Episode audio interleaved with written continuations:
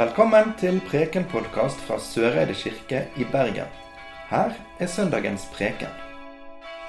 Ja, I dag feirer vi altså en spesiell dag i kirkeåret som heter Allehelgensdag. Og Det er nok en dag som har vært feira veldig, veldig, veldig lenge. Lenge før vi ble lutherske i Norge. Opprinnelig så var det den dagen i året der en feirte alle helgener som ikke hadde fått sin egen dag. Seinere så ble det litt sånn eh, oppsamlingsheat rundt denne dagen, allehelgensdag. Og så når vi ble lutherske, så slutta vi jo å tilbe helgener som noe nærmest guddommelig. Men vi har beholdt dagen og vi har beholdt tittelen på denne dagen. Og vi tenker jo om helgene som mennesker som har gjort noe helt uvanlig, og som vi kan la oss inspirere av og bli oppmuntra til å følge etter. Og I nyere tid så kan vi jo bare tenke f.eks. på mor Teresa, som er helgen i den katolske kirka som mange av oss husker for hennes arbeid i Calcutta blant de fattige. Og Sånn kan vi tenke på én måte om denne dagen.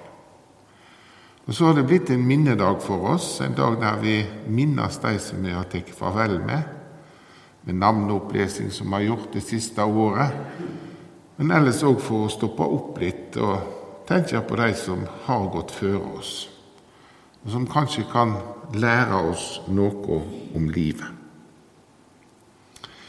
Og Det som er satt opp som preiketekst på allehelgensdag, det har ikke så mye fokus på helgener og på det som har vært, men prøver heller å sette fokus på det livet vi lever, og hvordan vi mennesker skal være vår tid på jorda.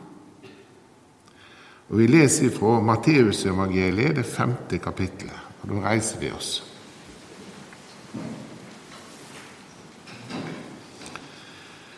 Det er saltet på jorda, men mister saltet si kraft, hvordan kan det da bli gjort til salt at Det duger ikke lenger til noe. De kasta det ut, og folk trakker det ned. Det er lyset i verden. En by som ligger på et fjell, kan ikke gjøymast. Ingen tenner ei oljelampe og set henne under et kar. Nei, en set lampa på en halder. Da lyser hun for alle i huset. Slik skal lyset dykkar lysa for folk, så de kan sjå de gode gjerningane dykkar og prisa Far dykkar i himmelen. Slik lyder det hellige evangeliet.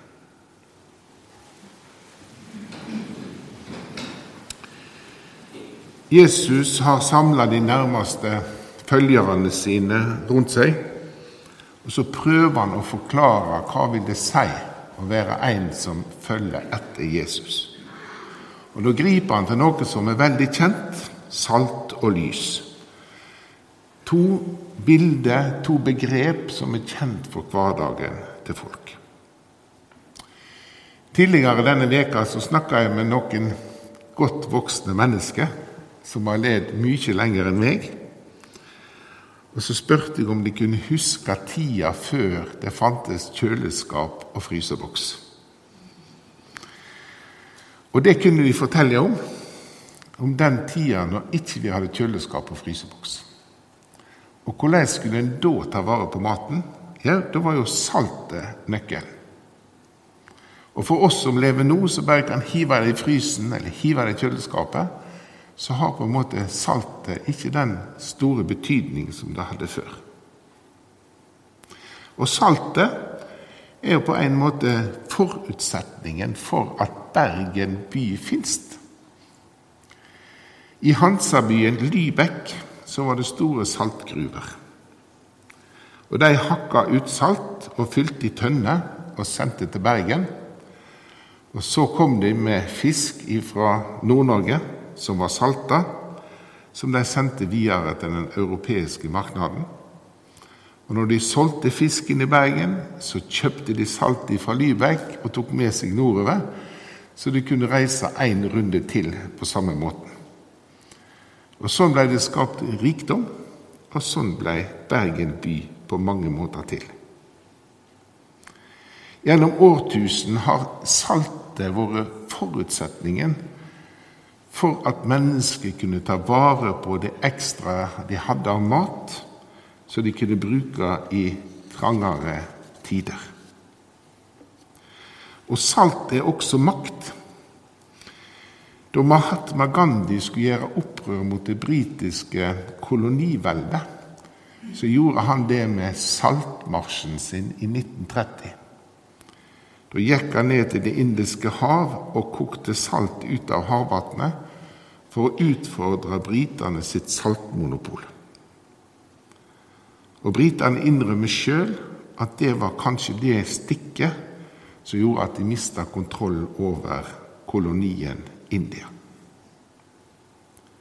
Og På Jesu tid var det vanlig å hente salt ifra Dødehavet. Her kunne en vaske fram godt salt, og på den måten så kunne en skape levedyktige samfunn og matoverskudd og som på en måte la grunnlaget for den sivilisasjonen som var i Midtøsten. Så salt det er altså et sterkt bilde som Jesus bruker når han samler følgerne sine rundt seg og prøver å forklare hva det vil si å være en som tror på ham. Og Salt har egentlig to egenskaper. Det ene er som at det tar vare på maten, og at det trygger livet på mange måter.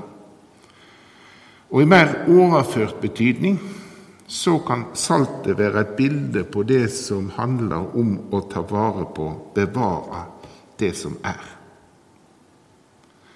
Når vi er kalla til å være salt i verden, så ligger det under at vi er kalla til å ta vare på den jorda som Gud har gitt oss. Det er livet som Gud har gitt oss. Ta vare på de mennesker som vi møter. Ta vare på alle som er rundt oss. Og I disse dager så er det jo klimatoppmøte i Glasgow.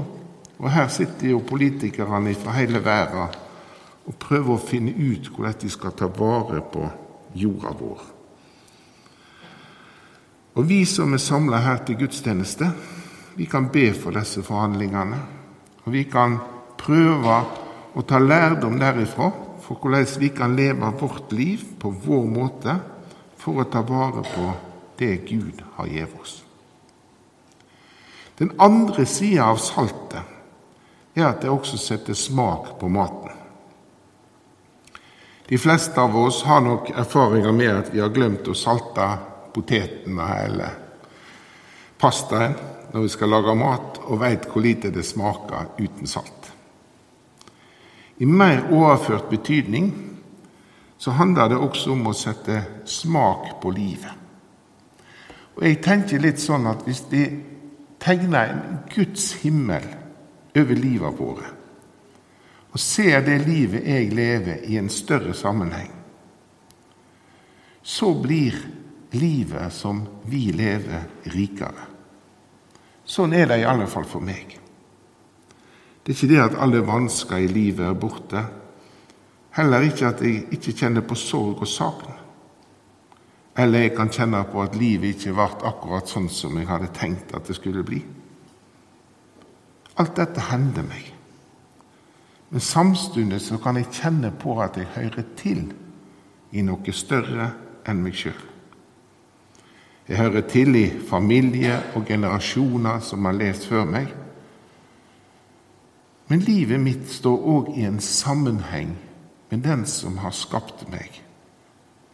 Og det gjør noe med den dagen jeg lever.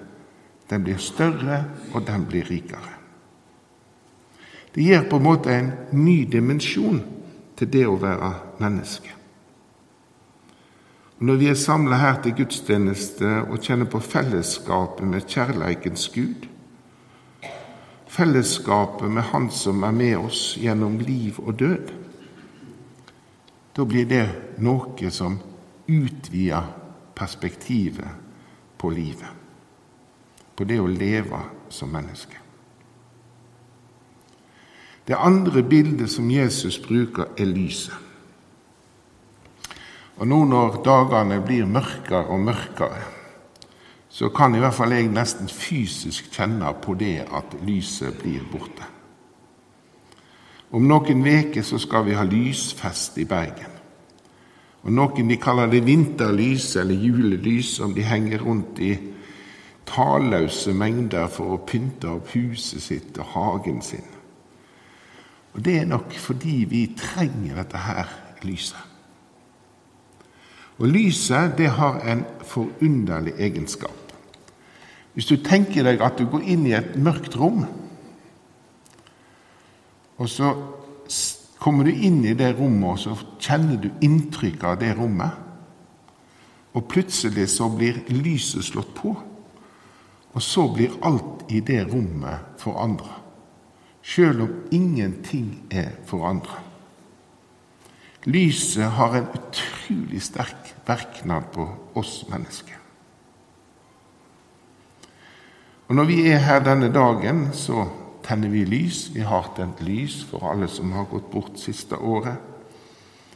Og en skal få lov å tenne lys og be ei bønn for de som trenger litt ekstra omtanke disse dagene.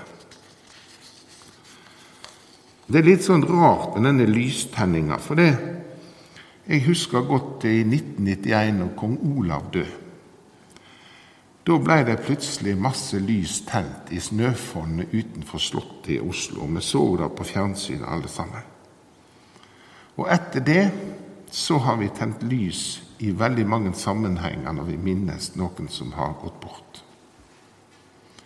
Og det å tenne lys, det er noe konkret. Det er et rituale, det er noe vi gjør. Og så kan vi, tenker jeg, få lov å fylle det litt med det innholdet vi sjøl vil det som passer oss best. Og Jeg tenker det er viktig at vi har det sånn. At vi kan få lov å tenne dette lyset og ha det litt åpent hva det betyr for den enkelte.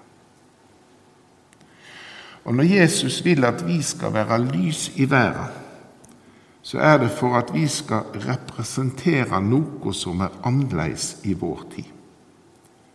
Vi kan være lys for andre mennesker på veldig mange måter. Noen ganger så kan vi være lys med å ta en telefon eller sende en SMS og høre hvordan står det til. Andre ganger kan et smil eller ei vennlig handling i forbifarten gjøre det som forandrer hverdagen til de mennesker vi møter. For et par år siden så var jeg ute og gikk tur i Alvøen idrettspark en sånn novemberkveld når det pøsregna. Og jeg kjente meg nokså tung til sinns. Og så passerte jeg en av disse pølsebodene som ligger med fotballbanen der. Og så var det ei dame inne i kiosken som ropte til meg 'Vil du ha en vaffel?' Vi har noen til overs før vi stenger. Og brått og uventa så fikk jeg en varm vaffel i handa. Og et smil fra denne dama inn i kiosken som jeg aldri har sett verken før eller seinere. Men jeg merka at hele dagen min ble annerledes. Hele turen ble annerledes. Jeg hadde møtt noen som tente et lys for meg den dagen. Det gjorde godt, og jeg husker det enda. Jeg var den samme, regnet var den samme, mørket var det samme. Men lyset var tent fra et annet menneske. Og Når vi kommer inn her i kirkerommet, og vi tenner lys på alteret, så minner vi om at Gud er her, er til stede. Så får vi komme her med våre liv, med det som er godt, med det som er vanskelig, med det vi gleder oss over, med det vi sørger over. Og så får vi møte en kjærleikens Gud. Og Nett før disse ordene om lys og salt som jeg las, så sier Jesus i bergpreika at det er de som er fattige i seg sjølve, som skal arve Guds rike.